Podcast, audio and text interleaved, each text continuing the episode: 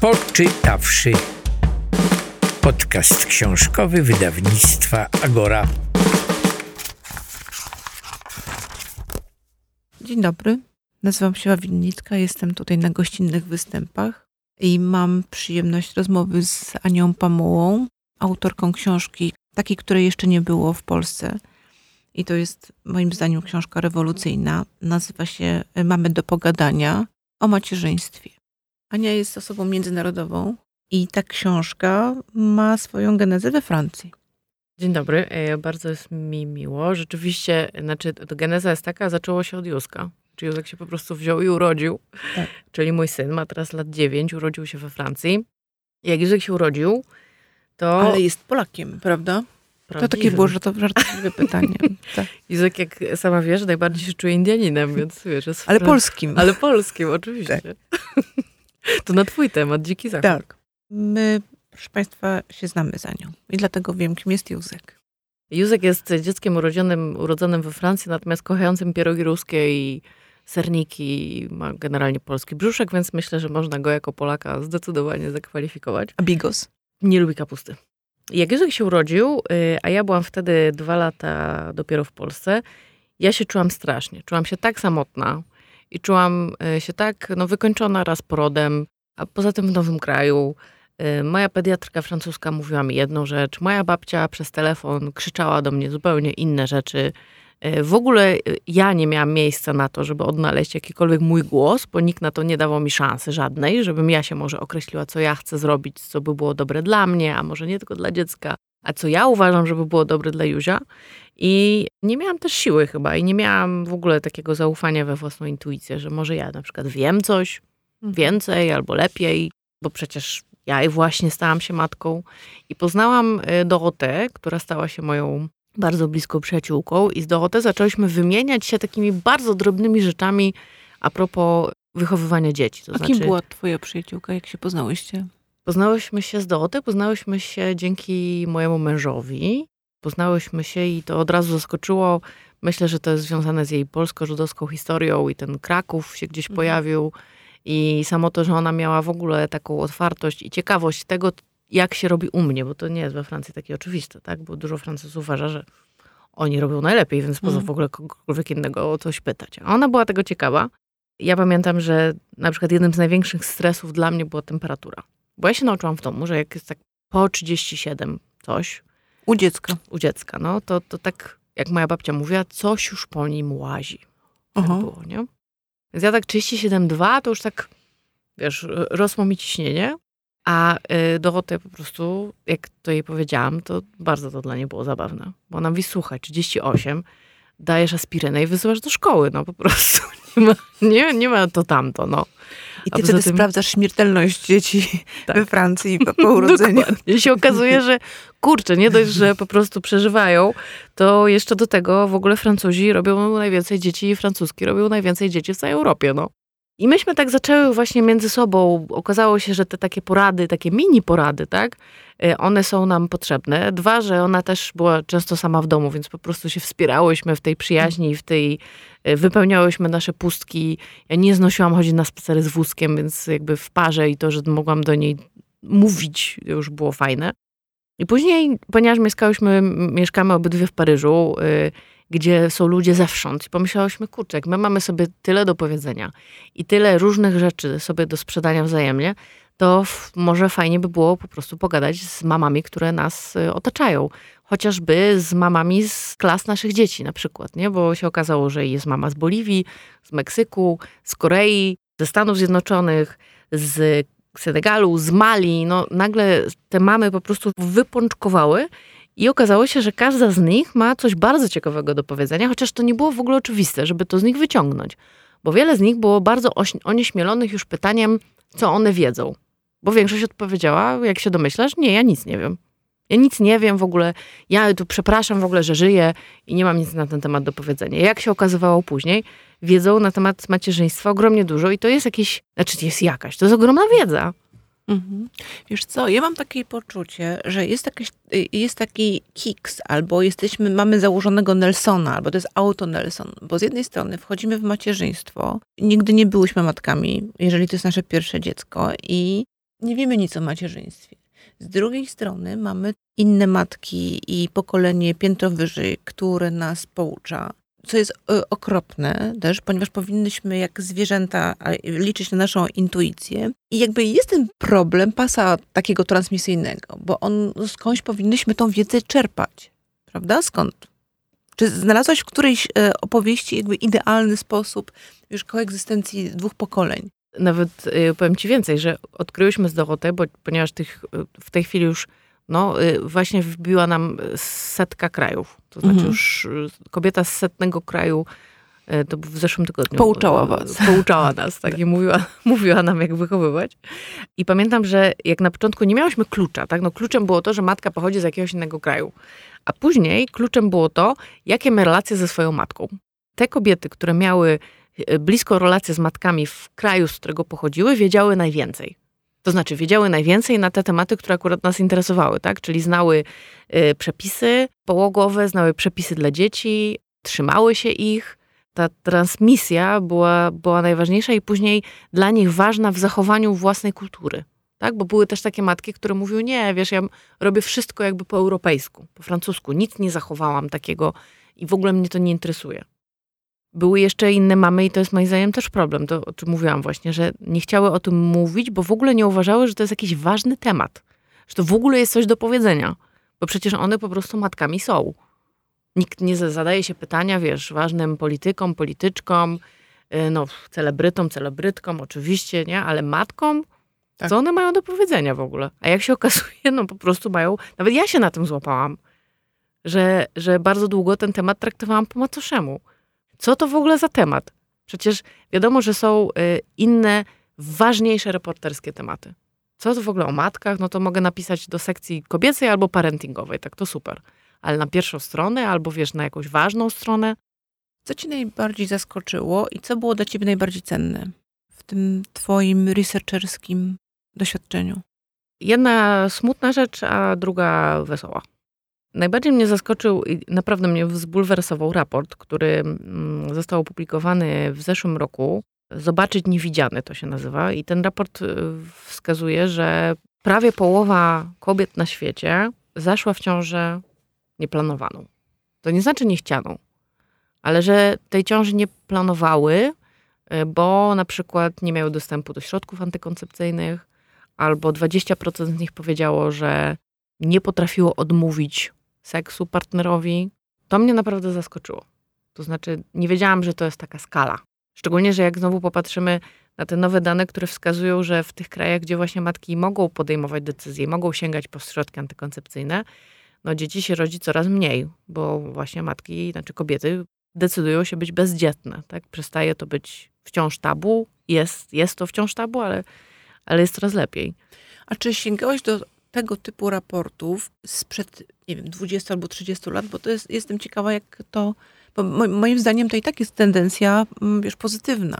Znaczy ta świadomość kobiet i też decyzyjność kobiet wzrasta z drugiej strony. Decyzyjność kobiet, tak. No decyzyjność, nie, nie sięgałam akurat y, tutaj, nie wiem, bo to był rzeczywiście pierwszy tego rodzaju raport. To znaczy okay. pierwszy raz czy w ogóle zapytano kobiety Zapytano o kobiety o to, y, czy planowały ciążę. To był, to był rzeczywiście pionierski. Natomiast widziałam ten raport dotyczący Polski gdzie kobiety wypowiadały się, e, czy planują mieć dziecko, czy nie.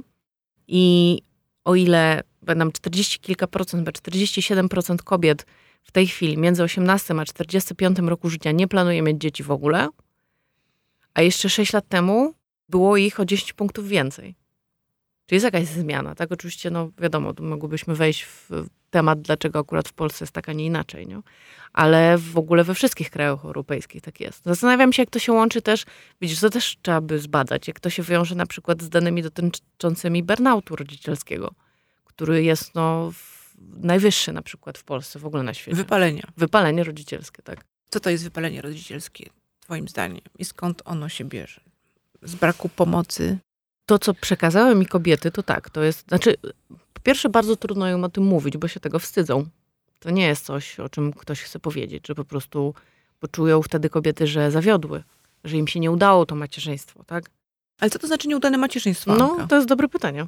Ostatnio y, robiłam wywiad z Elizabeth Badantech która napisała w latach 70. książkę we Francji, która wywołała wielki skandal, bo właśnie powiedziała, że instynktu macierzyńskiego nie ma i że po prostu dość już tego cofania się i kobiety wreszcie powinny już przestać karmić piersią na taką skalę, jak karmią i po prostu to już jest koniec. To Znaczy, taki francuski feminizm. Ta wiesz. pani ma dzieci? Ona ma trójkę dzieci. To te jej dzieci pewnie są bardzo szczęśliwe, kiedy słyszą, że matka... E, znaczy właśnie. Ale wiesz co, właśnie to było ciekawe, bo ona mi powiedziała, że ona się uważa za średnią matkę. Po pierwsze, uważam, że to jest bardzo wyzwalające usłyszeć od drugiej kobiety, że jakby ta poprzeczka trochę wtedy opada, tak? Nie jest matką idealną. Jest, bywała dobrą matką, a bywała matką średnią. Zrobiło to na mnie duże wrażenie. A po drugie, powiedziała też, że jak ta książka wyszła, to oczywiście było tak, lata 70., Francja. Koledzy i koleżanki jej dzieci śmiały się z nich, mówiły: Patrz, matka cię nie kocha, matka cię nie kocha, zobacz, co napisała. Że instynktu macierzyńskiego nie ma. Ja miałam takie rozmowy z Józkiem. To był przerażony czasem tym, co ja piszę. On Mówi: Mama, to ja jestem twoją pracą, przecież to jest takie smutne. I co mu odpowiadałaś? Pamiętam, jak powiedziałam, mówię, już zobacz, nawet jak ja pracuję, to ja o ciebie dbam, bo ja zarabiam pieniądze, a te pieniądze mi służą, żeby na przykład zapłacić za twój taniec, bo wiem, że kochasz tańczyć, żeby zapłacić za twoje kolonie, które też uwielbiasz. I mówię, o mama, punkt dla ciebie. Pamiętam, że tak. wtedy go to zaskoczyło. Tak. Tak, ale mówisz e, swojemu e, Józiowi, którego kochasz nad życie, że pracujesz dla niego. Co innego jest usłyszeć, że jest się pomyłką. Prawda? Jak usłyszała trójka dzieci. A ja nie wiem, czy oni usłyszeli, usłyszeli że są pomyłką. Albo, że są porażką. Albo, A, że są, oczywiście, nie, no jasne, ale tego nie, ja tego myślę, nie że to nie usłyszałam buduje. niej, wiesz, nie, zgadzam się z tobą, oczywiście, nie, nie. One natomiast usłyszały, że e, nie, myślę, że ona próbowała powiedzieć, że matka może mieć karierę i może pracować i może nie poświęcać, nie poświęcać się, może tak, nie poświęcać się tak dla dziecka, jak zostało to przyjęte. I na przykład, jeżeli podejmie decyzję nie karmienia piersią, to też jest okej. Jeżeli podejmie, podejmie decyzję karmienia piersią, spoko, wiesz, ja rozmawiałam z matką, która karmiła 6 lat. No, to chciałabym z nią porozmawiać i zapytać. Jest znaną brytyjską swoje- piosenkarką. Tak, Podoba tak, być się. tak, tak, tak. I wyzoczyło moje wielkie oczy jak spotki. Słuchaj, karmiła do momentu, w którym córka jej powiedziała, że ona już nie chce, żeby ją karmiła. To było dokładnie w jej szóstym Musi iść do szkoły. Tak, natomiast była e, matką, która mówi, słuchaj, ja karmiłam do szóstego roku życia, ale nie oceniałabym żadnej matki. Niech sobie każdy robi, co chce, no po prostu. Znowu, wiesz, mama, kilka tygodni temu robiłam wywiad z mamą z Gany, która powiedziała znowu, że ponieważ w Ganie jest tak, że tylko karmienie piersią jest uważane za cokolwiek godnego czegokolwiek, a ona nie chciała karmić piersią. I wzięła mieszankę i po prostu ukryła ją pod materacem w szpitalu, żeby móc dać dziecku jeść, bo powiedziała nie best is breast, tak jak się mówi, tylko best is fed, czyli najlepiej jak jest dziecko nakarmione i nieważne, czy to jest już butelka, czy to jest, czy to jest pierś. E, To samo dotyczy cesarek, tak? Zaskoczyły mnie ilości cesarek na świecie i powody, dla których wykonuje się cesarki. Bardzo często kobiety decydują się na przykład w Ameryce Południowej i mamy opowiadały mi, że decydują się na to, żeby później mieć wąską pochwę, która będzie satysfakcjonować ich mężów. I dlatego robi się też cesarki. Albo później lasery, operacje plastyczne i tak dalej. Albo w Tajlandii znowu robi się cesarki dlatego, żeby dziecko się urodziło w odpowiednim tam astrologicznym położeniu gwiazd i tak dalej. A znowu w Afryce jest tak, w wielu krajach afrykańskich jest tak, że ponieważ afrykańska matka musi być silna i musi urodzić, urodzić drogami natury, to bardzo często kobiety, które powinny ze względów medycznych urodzić e, przez cesarkę właśnie, to się na to nie decydują, bo boją się, że będą stygmatyzowane. To, co łączy nas wszystkie, to znaczy ciągłe takie poczucie kontroli, nie? że po prostu wszędzie jest jakaś, wszędzie możesz się na coś nadziać, że czegoś nie możesz jako matka. A czego ty nie mogłaś? Bo pytam ciebie, bo ty No. jesteś z dosyć międzynarodowej rodziny. Nie jesteś standardową y, y, córką ani wnuczką matek Polek. Ograniczanych i Wiesz co, tłamszonych. z jednej strony nie, a z drugiej strony moja babcia była kochaną moją babcią, z którą spałam i która mnie karmiła banankami w czekoladzie i mnie dokarmiała i wiesz. No właśnie, ale nawet to dokarmianie, nie? Jakby nie było, nie było opcji, żebym miała, nie wiem, była głodna, bo albo wszystko było dietetyczne, albo wszystkie, wszystko było tak, że w ogóle zjadłam jedną porcję, ale to jeszcze musiałam jedną, bo przecież Tak. wiadomo, że to tak nie da się. To tak, jest no. bardzo polskie, prawda? Okazywanie miłości przez, Ja też przez to mam, wiesz? przekarmianie i ja No. też to mam. Jestem też ofiarą. To znaczy mama moja, żeby mnie pocieszyć, dawała mi słodycze, Mhm. które były oczywiście deficytowe w czasach, kiedy ja do, dorastałam. No i teraz, wiesz, w ogóle y, moje relacje ze słodyczami są trochę zaburzone i generalnie toczę z nimi nierówną walkę. To było też niesamowite, kiedy opowiadałaś, że taką y, kulturowym zderzeniem twoim z twoją nową ojczyzną Francją był sposób karmienia y, dzieci i to okropne niedojad- nie, nie, niejedzenie między posiłkami, które stosują francuskie i potem są po prostu tak wrednie y, szczupłe. I to dawanie dziecku drożdżówki nie o tej godzinie, o której trzeba. I to było bardzo fajne. Czy mogłabyś Państwu opowiedzieć o tym? No wiesz, ostatnio była taka sytuacja, że przyszła przyjaciółka mojego syna do nas do domu i ja oczywiście od razu rzuciłam się do lodówki, żeby jej zrobić Niesamowite, kanapeczkę, tak, żeby wystawić. żeby jej tak. wystawić, żeby ją nakarmić. Po prostu to jest pierwsza rzecz, która przyszła mi do głowy. I Józiu mówi do niej, wiesz, ja cię bardzo przepraszam, ale moja mama jest Polką i ona po prostu nie wie, że nie je się o wszystkich godzinach. bardzo ją przepraszam. Było tak wielokrotnie, że, że mówił po prostu, wiesz, moja mama jest Polką, no ja bardzo przepraszam. No ale to, bo ja zapraszam, tak, na przykład jego nauczycielka, korepetytorka, ja ją zapraszam na jedzenie, chcę jej robić herbatę, chcę ją nakarmić ciastem. Ona na szczęście jest z Algierii, więc tu rozumiemy się. Jakby tu mam, mam, mamy porozumienie, tak, na, na jedzeniowe. Też jest Polką po prostu. Też jest Polką. Dokładnie. Przypomina mi się oczywiście Hotel Zaciszy, kiedy Basil Fawlty mówi o tym, że wybaczyli mu, on jest z Barcelony. Biedny Manuel. A matki? Czy matki ci zwracały uwagę, czy tylko pochrząkiwały? Słuchaj, pamiętam, jak Józek miał trzy miesiące, to wszystkie francuskie się mnie pytały, est-ce que ton fils fait ses nuits? To znaczy, czy on odrabia swoje noce, tak jak odrabia się lekcje, faire les devoirs, Mhm. to czy on odrabia swoje noce. Więc ja w ogóle nie wiedziałam, o co chodzi, bo moja babcia mi znowu wtedy mówiła, mówi, słuchaj, bierz go do łóżka, wiesz, on tak szybko dorośnie. Zacznie spać, jak będzie, będzie miał dwa latka, to w ogóle będzie super. A tutaj trzy miesiące i po prostu wszystkie francuskie mnie pytają, czy on już śpi od, Dzielnie. oddzie- nawet nie oddzielnia, czy przesypia noce, o to chodziło, czy on przesypia całą noc. Ja mówię, nie no, co ty, no jak przesypia całą noc? To Ale, chyba tylko na polskich wsiach, gdzie się karmi cukrem z wódką dzieci, prawda? No, tylko tak. wtedy może, albo w Szkocji, gdzie się whisky dolewało kiedyś, wiesz, do mleka. No, też bym piła. No nie, ja, ja, ale ja byłam tym strasznie zestresowana i pamiętam, że oczywiście, że byłam po prostu totalnie zmęczona i pamiętam, jak poszliśmy do pediatrki, naprawdę bar, okropnie wtedy płakałam, bo poszliśmy do pediatrki z Józkiem, który po prostu się, no, no krzyczał, no. Później niestety się okazało, że miał e, zapalenie, miał rację, no po prostu, no, miał zapalenie układu moczowego i biedek po prostu cierpiał, nie został zdiagnozowany, to było strasznie przykre, więc ja jako matka czułam, że coś jest nie tak, wiesz. I poszliśmy do pediatrki i pediatrka, pamiętam, spojrzała mi w oczy. Ja popłakana, rozpłakana, wiesz, ledwo żyjąca. Ona mówi do mnie, proszę pani, kto jest pilotem w tym samolocie? Ja sobie myślę, Jezus, nie po prostu pilot. W jakim samolocie? W jakim samolocie? Proszę pani, po prostu koniec. Ja to piszę tutaj w książeczce zdrowia. Położyć o 20, zostawić w łóżeczku, niech krzyczy, zostawić. I po prostu ma pani Jezu. spać. Wiesz, ja mam, naprawdę mam to wciąż napisane w książeczce zdrowia, żeby zostawić i wypłakać. Bo tak robiły, robiło większość moich sąsiadek. Ja y, zrobiłam to raz i wróciłam po, po trzech godzinach do domu, bo poszłam na spacer. Stwierdziłam, że nie, nie będę w stanie tego wytrzymać. No i wiesz, dobrze zrobiłam. Okazało się rzeczywiście, że Józio po prostu żałowałam tego bardzo, Żak też żałował. Y, Od razu i on, no wiesz, ma 9 lat i czasem do tej pory przyłazi do nas spać. Ale to jest totalne Absolutnie. tabu w, we Francji, no. W Polsce nie, nasz, o, obaj z moich synów, mam nadzieję, że tego nie słuchają, bardzo też do, do późnego, do późnych lat przychodzili do, do nas i wydawało mi się, że to jest w ogóle super. Że to jest takie, wiesz, że to jest początek dnia i to jest takie doenergetyzowanie. Ja też to Wiesz, uwielbiam. że jest tak, jesteśmy w stadzie, takie, wiesz, ostatnie przytulenie i się rozchodzimy, wiesz, żeby każdy tego ma, ma, mamucika, żeby zap- zapolować na mamucika, każdy według, wiesz, wzrostu. No, Francuzi mają obsesję, żeby dzieci spały osobno i, i rzeczywiście pamiętam, jak Józek miewał koszmary na przykład. I było tak, ja mówię, Józek, dobra, bierzemy twój materac, kładziemy obok i było bardzo często tak, że on po prostu po tygodniu wracał do siebie do pokoju. I trochę, wiesz, miałam wrażenie, jakby ładował baterię takiej czułości, bliskości. Tak. Jak już miał je naładowane, to mógł spokojnie do siebie wrócić, nie? Tak, ja też często, myślę, że to o to no- chodzi, że doładowanie baterii, że, y, że jest strasznie żal zostawić y, dziecko z, z, wiesz, z baterią do połowy napełnioną. Prawda? A potem, żeby, wiesz, terapeuta, y, wiesz, za pieniądze dopełniał dziecko. No tak, nie? tylko wiesz, znowu z drugiej strony nie, ja już to wiem, że jakby ja nie jestem w stanie tego zrobić, jak ja nie mam baterii napełnionej. Tak? A często, kurde, jej nie mam napełnionej. Właśnie to też o to chodzi. Nie? Że po prostu jestem, jestem zmęczona, zwyczajnie, jestem wykończona.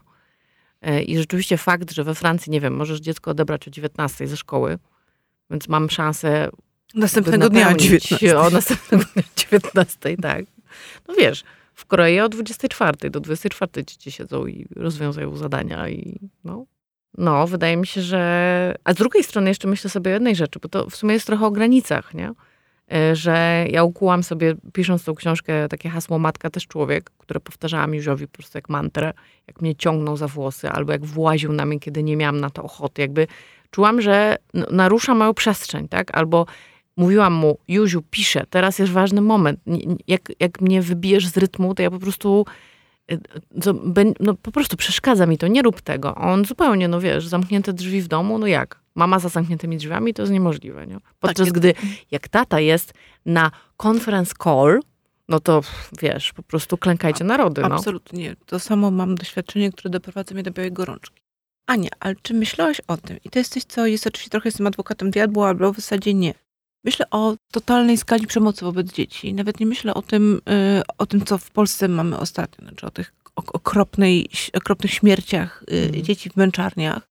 Myślę o zaniedbaniu dzieci i gdzie tutaj jest taka granica, wiesz? Jak zadbać o człowieczeństwo twojego dziecka i o jego potrzeby, no bo jednak cokolwiek by się nie działo, to wyprowadzając nowego człowieka na świat, no bierzesz za niego odpowiedzialność. Hmm. I za to, żeby on był w miarę szczęśliwy.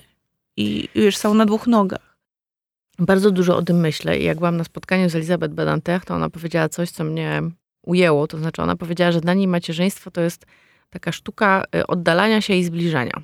To znaczy w ogóle łapania dystansu, tak? Że czasem jesteś daleko, czasem jesteś troszkę bliżej. I to bycie rodzicem to jest właśnie to łapanie, znaczy bycie w odpowiedniej odległości, ale oczywiście to się nie udaje, nie? Bo po prostu popełniamy błędy. I ja sobie to pytanie teraz zadaję szczególnie we Francji, bo kilka tygodni temu wybuchł wielki skandal, dlatego że jedna z znanych psycholożek powiedziała, że Najlepszą metodą jest tak zwany timeout, czyli po prostu zamykasz dziecko w drące się, które ma 3-3,5 roku w pokoju, zamykasz je tam na kilka minut, aż się uspokoi, dopiero wtedy je wypuszczasz. I to jest coś, co widziałam wielokrotnie we Francji. I jak tego słucham i słuchałam tej, tych debat wokół tego, jakby, że to po prostu, wiesz, rodzicielstwo w bliskości na przykład we Francji się niespecjalnie przyjęło. Ono było nazywane rodzicielstwem terroru. I doskonale rozumiem twoje pytanie, bo jest to cały czas we mnie. Ja nie mam odpowiedzi na to ale ciągle sobie je zadaję. To znaczy, właśnie, na ile mogę odpuścić, a na ile właśnie mam obowiązek dbania, gdzie się kończy mój obowiązek, a zaczyna się to, że ja po prostu zaczynam za bardzo kontrolować. Ale wiesz, na przykład nie? myślę o wypalonej matce, która być może nie jest decyzyjna, która już udaje, że nie słyszy tego, jak jej partner znęca się nad dzieckiem. Wiesz co, jak, jak, jak, jak Józiu się przysłuchiwał i tym rozmowom, i tym rozmowom na temat tego timeoutu nieszczęsnego, yy, Pamiętam się strasznie oburzył. Mówi, jak to? Dziecko wtedy trzeba przytulić, bo takie zamykanie to w ogóle to jest niepotrzebne i w ogóle do niczego. I pamiętam ostatnio, wiesz, wparowałam do niego do łazienki. On się kąpał, biedek. I mówi, mama, natychmiast stąd wyjdź. I zaczęłam mu mówić, co ma zrobić, że ma umyć, że ma umyć zęby, w jakiej kolejności. Powiedziałam, że o wszystkim zapomni. Tak przynajmniej założyłam, nie? I mówi, mama, natychmiast wyjdź. Wiesz, co ci powiem? Dziecko też człowiek. I pomyślałam sobie, że ma rację. To znaczy, że w tym, że, że to równanie matka też człowiek, to działa tylko wtedy, jeżeli dziecko jest traktowane jak człowiek, tak? To znaczy, że w ogóle razem się traktujemy jako osobnych ludzi, y, którym należy się szacunek. No inaczej to nie działa. Ale szacunek, ale też dziecko, dzieciom, które są bezradne, no należy się tak. też bezpieczeństwo. Należy się bezpieczeństwo, zgadzam się z tobą. Teraz płynnie przejdziemy do, drugi, do tematu kończącego. Czy myślisz o drugim dziecku? Nie, nie, bardzo nie. Nie myślę o drugim dziecku i pocieszyło mnie to, że nie myśli o tym drugim dziecku prawie 80% Polek. To znaczy 80% Polek nie chce mieć już drugiego dziecka, bo też nie porozmawiałyśmy o systemie. To nie tylko to, jak my będziemy regulować dystans, jakie książki przeczytamy, tak. czego się dowiemy, ale e, albo system nam pomoże, albo system nam nie pomoże. Ale to wiadomo, tak? że jakby żyjemy przynajmniej my tutaj daleko od Paryża, w takim raczej niepomagającym y, systemie. No wiesz, to są drobne rzeczy takie, że na przykład już nie gloryfikując tego systemu, bo jest masa rzeczy, które nie są fajne, ale to, że ja mogę wsadzić Józka do pociągu i wysłać go do mojej mamy na weekend, a w tym pociągu jest animator, który się nim będzie opiekował, wiesz, to jest ogromne odciążenie dla rodziców po prostu. Bo ja nie muszę planować tego, że ja go zawiozę, później go odwiozę, spędzę 6 godzin po prostu, wiesz. Już nie mówiąc o tym, że dla mojej mamy to jest super, bo jako babcia po prostu chcę z nim spędzić czas. Mówisz o animatorze francuskim. Myślisz, że tam jakiś polski animator, animator w tym pociągu siedzi? Nie, bo pomyślałam, że może ja o czymś nie wiem i że animatorzy są również w pociągach polskich. Poukrywani tylko. Tak, przy, przy broni za konduktorów. Nie no, co ty, no. Rozumiem, że w polskich pociągach muszą być całe rodziny jeździć najlepiej. Oczywiście. No przecież tylko tak. Więc y, ja nie planuję drugiego dziecka, chociaż y, no właśnie, mimo że mam, że mam super animatorów w pociągu, ale nie planuję drugiego dziecka, raz, że dlatego, że chcę pisać, a wiem, że mój czas jest odmierzony, wymierzony i zdaję sobie z tego sprawę, O. że już jestem, wiesz, mam prawie 40 lat, bywam zmęczona. Naprawdę nie miałabym na to siły, szczerze mówiąc. I daję sobie takie prawo, żeby po prostu bo to nie jest tylko moja decyzja, to jest moja decyzja i nasza wspólna decyzja z moim mężem po prostu. No, nie, nie chcemy mieć drugiego dziecka. A co myślisz o ruchu, który jest raczkujący i w Polsce jest totalnie objęty tematem tabu, takim antynatalistycznym, żeby w ogóle odpuścić posiadanie dzieci? To znaczy, że planeta jest tak totalnie już przeludniona i tak bardzo y, trudno nam jest w ogóle zadbać o kolejne pokolenie, żeby być może odpowiedzialnie odpuścić. Zawsze się wtedy zastanawiam, czy to jest, jak mówisz o odpowiedzialności, to czy rzeczywiście jest tak, że to jest ten prawdziwy powód. Tak, że jak ludzie mi mówią, bo już zdarzyły się takie przypadki, że wiesz, nie chcę mieć dziecka ze względu na ekologię, to bardzo chciałabym móc z nimi usiąść i tak naprawdę jakby dokopać się do tego, dlaczego oni tego drugiego dziecka nie chcą mieć. Albo w ogóle, no właśnie. Tak, akurat myślałam o sobie, ale rzeczywiście, żeby nie wiem, dla mnie, jak, jak, jako dla reporterki, to byłby chyba powód niewystarczający, tak sobie myślę, że chciałabym jednak lepiej zrozumieć. Albo jeszcze jest inne pytanie, czy w ogóle trzeba się z tego tłumaczyć jakkolwiek, nie? Teraz poznałam bardzo dużo dziewczyn, które po prostu nie mają na to ochoty, bo jest im dobrze. Bo jest im tak dobrze, jak jest. Statystyki pokazują, że ludzie, którzy mają dzieci, wcale nie są bardziej szczęśliwi.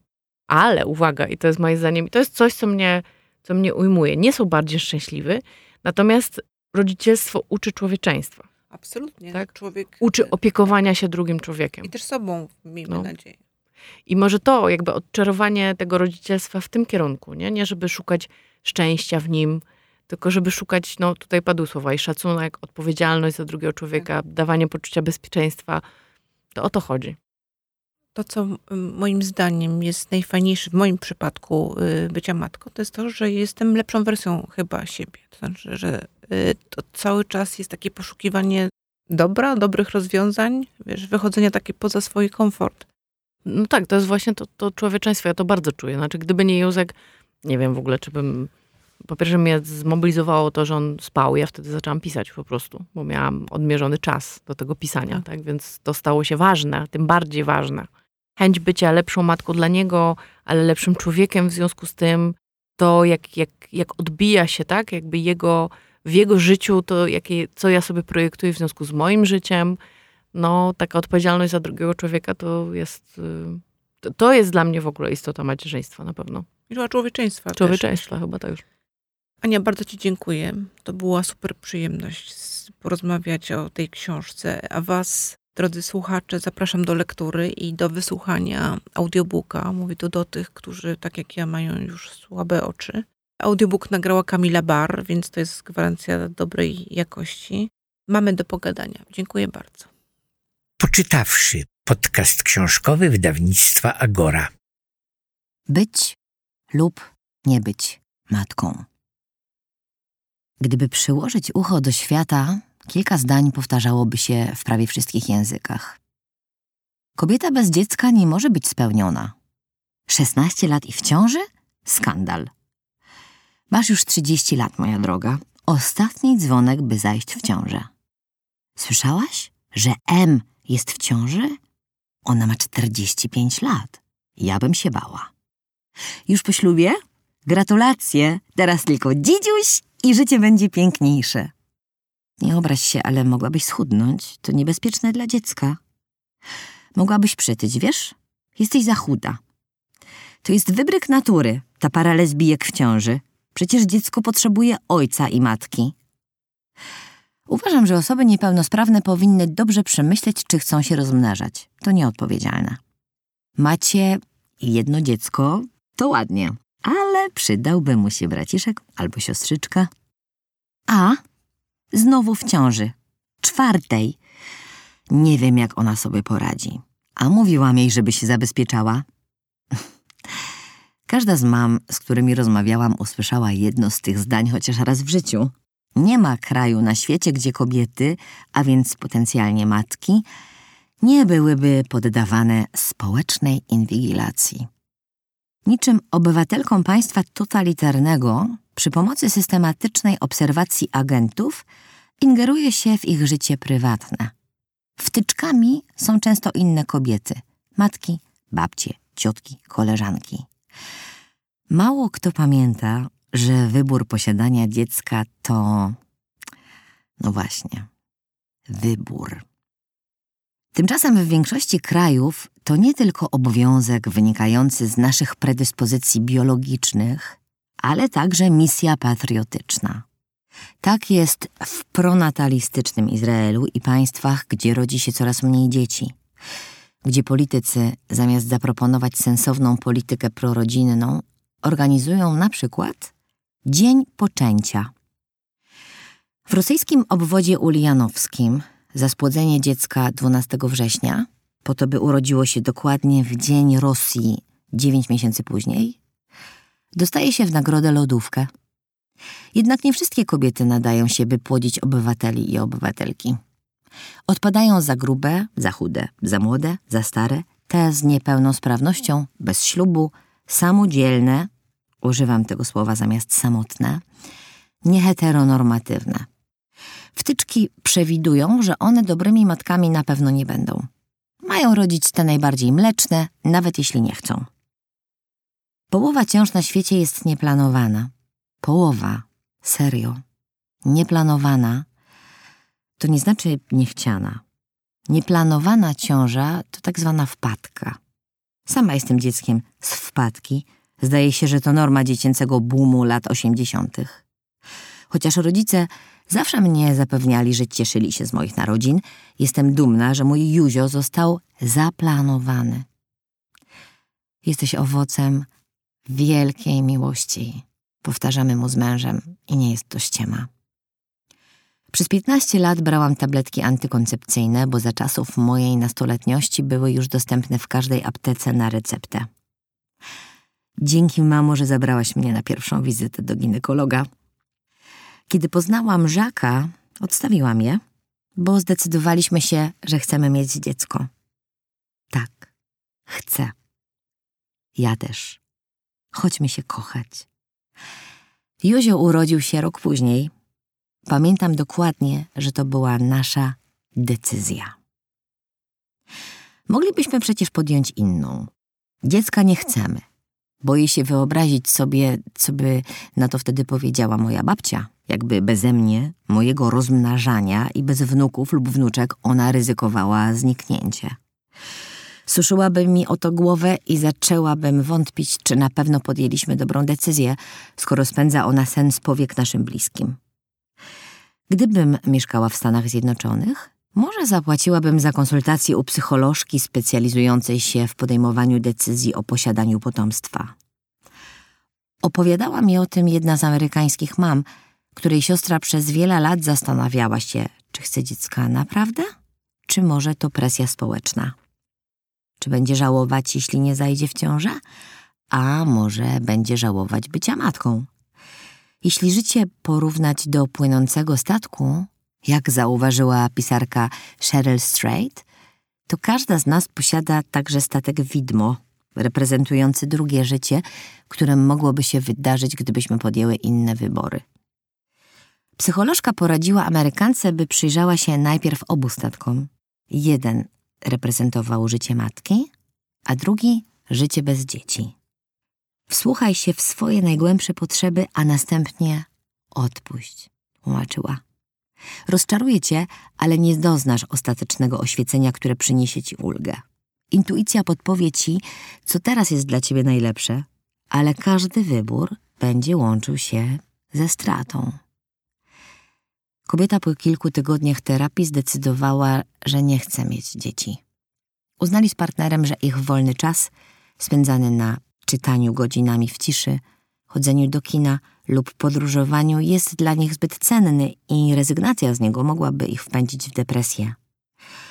Oboje mieli satysfakcjonujące życie zawodowe, nie chcieli z niego rezygnować, a nie stać ich było na nianie. Lubili zajmować się siostrzeńcami, ale po całym dniu spędzonym wspólnie byli wykończeni.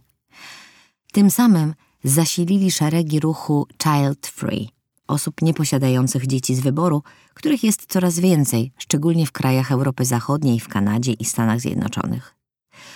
Powody są bardzo zróżnicowane. Od tych motywowanych odpowiedzialnością za planetę, przez obawy utraty dobrej pozycji w pracy, szczególnie u kobiet, do niechęci, aby reprodukować własne geny, co może wiązać się między innymi z traumą z dzieciństwa lub chorobą genetyczną.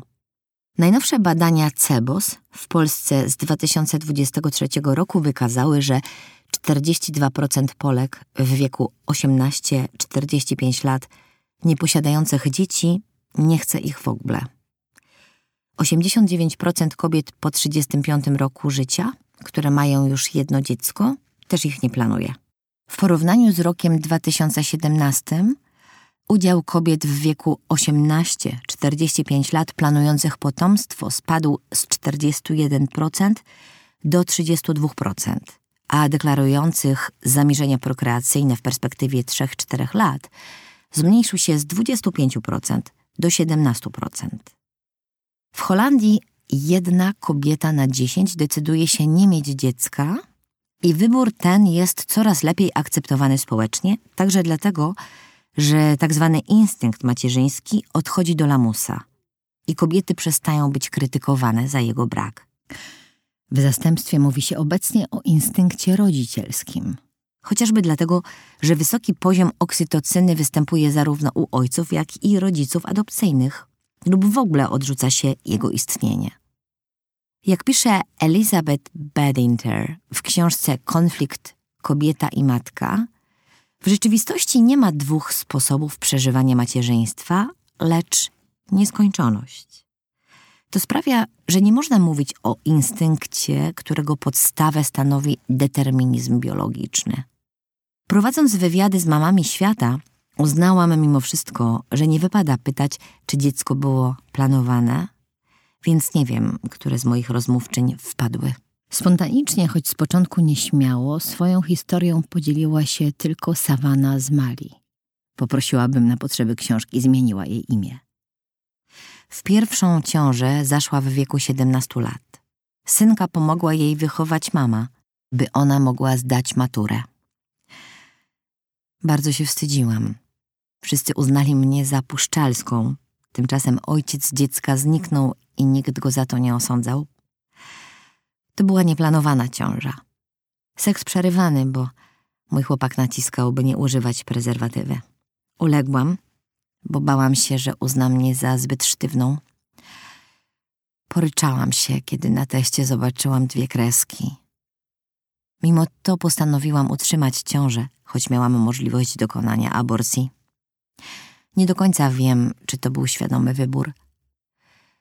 Z jednej strony ciało podpowiadało mi, że chcę tego dziecka, ale mój mózg bał się o przyszłość. Co będzie ze szkołą, z wymarzoną pracą, jaki facet mnie zechce z dzieciakiem. W jednym tygodniu byłam szczęśliwa, w innym płakałam. Z perspektywy czasu wiem, że nie podjęłam tej decyzji sama. Towarzyszyły mi siostry, mama, babcia. Niemalże cały klan zdecydował za mnie.